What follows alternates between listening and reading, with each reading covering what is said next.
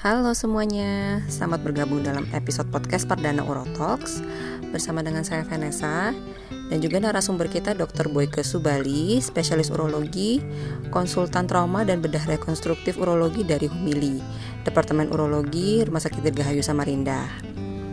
Dalam podcast Urotalks, kita akan membahas tentang berbagai topik seputar kesehatan urologi. Nah, bagi yang belum mengenal apa itu urologi, urologi adalah salah satu cabang ilmu bedah yang berfokus pada kesehatan sistem saluran kemih, mulai dari ginjal, ureter, kandung kemih, sampai uretra, dan juga kesehatan sistem reproduksi pria. Nah, pada episode yang pertama ini kita akan membahas tentang satu kelainan urologis yang lumayan aneh tapi nyata, yaitu buried penis alias penis mendelep atau penis tenggelam. Nah lo, penis kok bisa tenggelam? Kita langsung bahas aja yuk sama dokter Boyke. Halo dok, apa kabar? Halo, kabar baik. Apa kabar Nesa? Baik dok. Nah, untuk topik kita hari ini dok tentang buried penis ya dok ya. Nah, kita langsung ke pertanyaan pertama nih dok. Uh, buried penis itu sebenarnya seperti apa sih? Nah, buried penis itu sendiri sebetulnya dari namanya itu sebenarnya adalah penis yang terbenam. Pada prinsipnya itu. Hmm memang uh, mungkin kalau yang nggak pernah ketemu eh penis bernama apaan gitu ya. Tapi um, yang sering saya temukan di uh, praktek saya sehari-hari itu saya dikirimin gitu. Atau ada pasien datang dok anak saya ini mikropenis dok ya penisnya kecil banget gitu. Terus pas saya lihat loh ini penisnya nggak kecil ini cuma luarnya doang kulit luarnya doang yang muncul penisnya terbenam di dalamnya gitu Oke dok, nah berarti uh, sebenarnya buried penis itu adalah penis yang normal, tapi dia tenggelam di bawah kulit, jadi nggak kelihatan di permukaan gitu ya dok ya? Yang kelihatan biasanya hanya ujung kepalanya saja yang tertutup sama prepusium, jadi kulit yang biasanya disunat itu, itu yang -hmm. yang kelihatan itu doang biasanya. Jadi dipikir, buset ini kecil banget nih, oh ya sampai ada yang datang-datang bener-bener ada yang datang-datang langsung nanya dok kalau pasien saya anak saya ini dikasih terapi hormon dok ya? Ya terapi hormon apa aja normal-normal aja kok. Banyak sekali yang ketemunya kayak gitu. Jadi dikira panisnya kecil apa gimana ternyata terbenam. Berarti kasus ini banyaknya lebihnya pada anak-anak ya kayaknya dok ya? Bener, pada anak-anak yang orang tuanya khawatir karena uh, kok penis anak penis anaknya ini lebih kecil daripada penis teman-temannya yang seumur kayak gitu-gitu. Oke. Nah selain dari uh, penampakannya sendiri, dok, mungkin orang awam mungkin agak susah kali ya ngelihat, oh ini penisnya uh, kecil atau penisnya tenggelam. Nah selain dari penampakan fisiknya, kira-kira ada gejala lain yang menandakan kalau oh ini buried penis gitu dok? Oke, uh, gini, yang jelas kalau dipegang itu penisnya sendiri akan teraba di bawah kulitnya. Kalau penisnya ditarik ke, ke, ke arah tulang tulang kemaluan, biasanya akan langsung muncul. Kalau ditarik, kulitnya ditarik ke arah tulang kemaluan. Jadi, uh, ya sebaiknya diperiksa emang dibawa ke dokter, ke dokter umum dulu, dilihat bisa, dibawa ke urolog ya bisa. Nanti dievaluasi gitu bener. Tapi kalau mau evaluasi sendiri, coba ditarik turun kulit dari penisnya ke arah tulang kemaluan. Itu kalau misalnya dia tuh penis terbenam, dia akan langsung kelihatan batangnya ada ukuran normal langsung kelihatan biasanya. Gitu. Oke dok. Nah, berarti kalau misalnya para orang tua nih dia mencurigain kalau oh kayaknya anak saya ini buri penis, baiknya langsung dibawa ke dokter aja dok ya untuk diperiksa ya. Sebaiknya dievaluasi sama urolog misalnya gitu untuk mengetahui ini penisnya kecil apa terbenam gitu.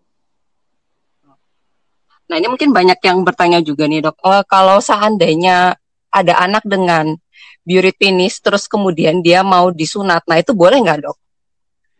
Gini, nah satu hal yang penting sekali diketahui adalah pasien dengan penis yang terbenam ini kalau kita mau perbaiki bentuknya, maka kulit yang biasanya dipotong waktu sunat itu diperlukan.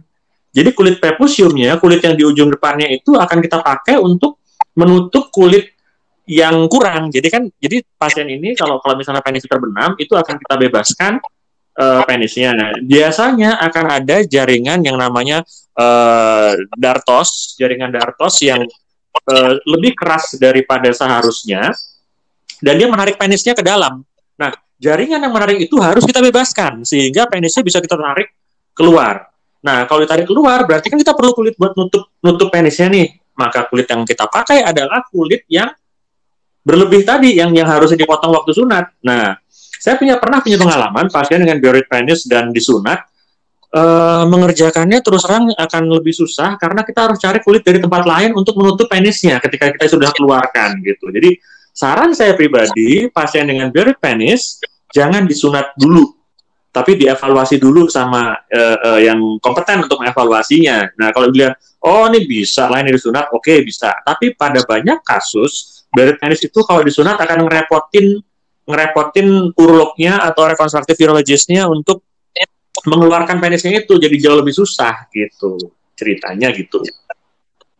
Berarti uh, orang tua yang anaknya uh, curiga nih ada biorit penis sebaiknya ditahan dulu untuk sunat, dicek dulu ke urolog, baru kemudian ditentukan penata laksana seperti apa gitu ya dok ya. Menurut saya seperti itu dan juga kepada rekan-rekan yang uh, melakukan sirkumsisi, jadi urolog nggak pernah mengklaim, oh kalau mau sunat mesti urolog. Nggak, nggak pernah kita klaim seperti itu. Dan di standar kompetensi dokter Indonesia pun, sirkumsisi atau sunat itu adalah kompetensinya dokter umum. Tapi memang kalau ragu, sebaiknya di, ditanyakan dulu, ini kalau disunat kira-kira memungkinkan atau tidak, gitu. Demi kepentingan pasien, demi kepentingan pasien. Betul, betul. Oke. Okay. Nah, kemudian untuk kasus biorit penis sendiri ini uh, ada penyebabnya nggak sih dok? Ada sesuatu yang menyebabkan terjadi bioritminis kemudian bisa nggak dicegah sebenarnya? Ya, nggak ada.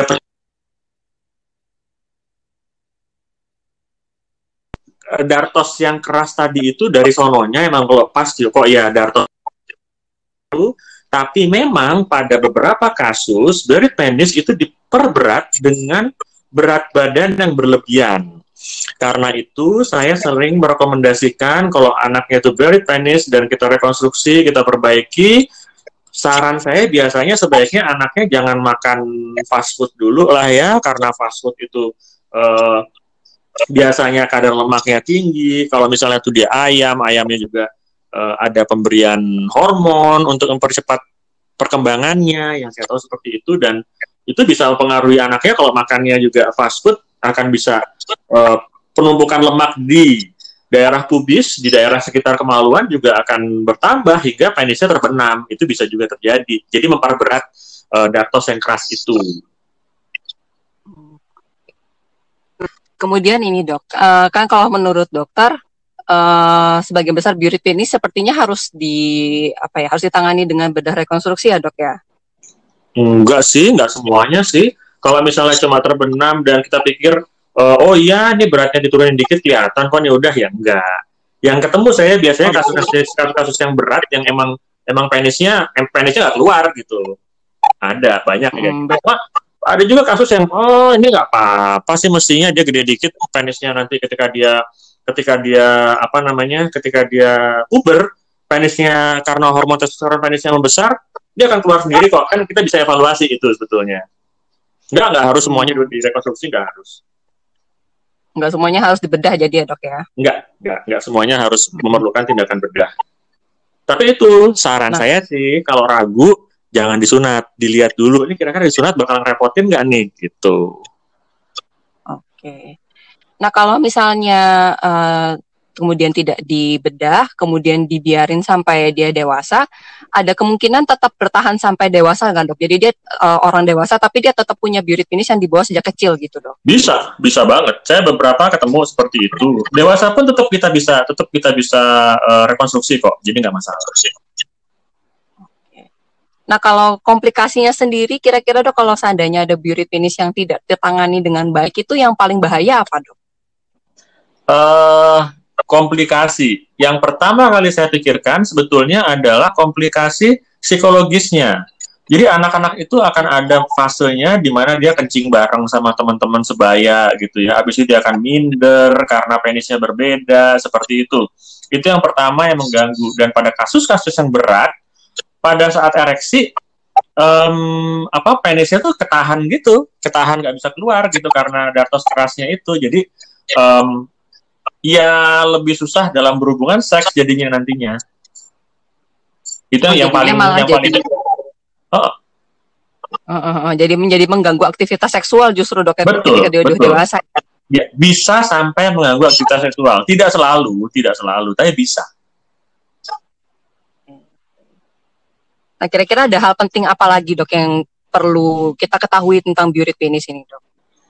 Hmm, hal penting yang di- perlu diketahui tentang berit penis, em, pesan saya sebetulnya sama seperti kalau nanti kita bahas misalnya hipospadi gitu ya. Em, kalau misalnya yang tadi saya bilang, kalau misalnya ragu, jangan disunat dulu deh. Tunjukin aja dulu ke urolognya atau ke dokter bedahnya misalnya. eh, ini kira-kira kalau disunat akan akan akan mengganggu proses ke depannya nggak? Misalnya seperti itu. Itu yang penting sebetulnya. Kalau ragu, tanyain. Menurut saya itu take home message-nya itu sih benernya. Oke, Berarti kalau seandainya ada spot, oh ini kira-kira kayak biorit penis, pokoknya jangan jangan langsung dilakukan tindakan apa-apa dulu sendiri gitu dok ya, apalagi kalau disunat sembarangan gitu. Betul sekali. Terus satu lagi, jangan cepat-cepat mendiagnosa mikropenis. Jangan cepat-cepat mendiagnosa mikropenis karena mikropenis itu implikasinya panjang, mungkin nanti perlu terapi hormonal seperti itu kan. Padahal mungkin anak ini tidak perlu terapi hormonal yang yang sebetulnya dengan tindakan saja bisa bisa langsung keluar penisnya terapi hormonal nggak keluar keluar karena apa? Penisnya membesar tapi kulitnya tetap megangin dia gitu. Tetap aja nggak besar besar kelihatannya. Jadi take message yang lain adalah jangan terburu-buru mendiagnosa mikropenis atau penis yang kecil dari sononya gitu yang emang eh, mungkin perlu tindak perlu terapi hormonal mungkin nantinya. Demikian Nah, kayaknya kasus mikropenis ini menarik juga ya dok ya, karena agak nyerempet-nyerempet dengan biorit penis nih dok. Kayaknya minggu depan bisa kita bahas lagi ya dok ya. bisa bisa. Mikropenis juga emang emang nggak nggak ya jujur saya pribadi nggak nggak banyak nemuin sih kalau mikropenis. Maksudnya nggak nggak nggak nggak tiap bulan ada pasien mikropenis gitu. Enggak tapi ada. Bukan kasus yang terlalu Kalau sering kejadiannya, kalau kejadiannya biorit penis sendiri dok, kira-kira eh, selama selama ini dok banyak nemuin nggak dok?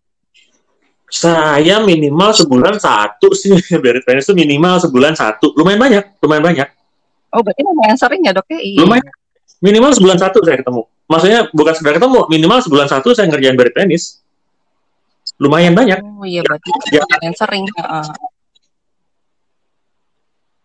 Oke deh dok, Eh, kalau menurut saya sih kayaknya udah cukup jelas ya dok untuk bahasan tentang biorit penis ini. semoga Eh, kira-kira ada, ada yang mau tambah lagi nggak?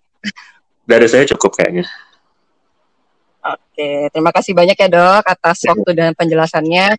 sama-sama sehat selalu stay safe Oke, sehat selalu juga dok. Thank you.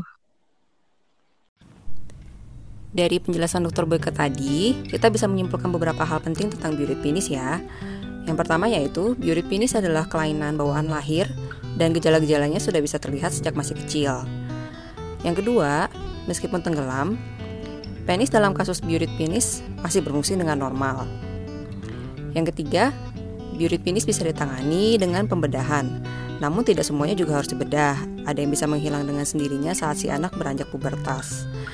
Dan yang terakhir dan yang juga paling penting, biorit penis tidak boleh disunat sembarangan ya.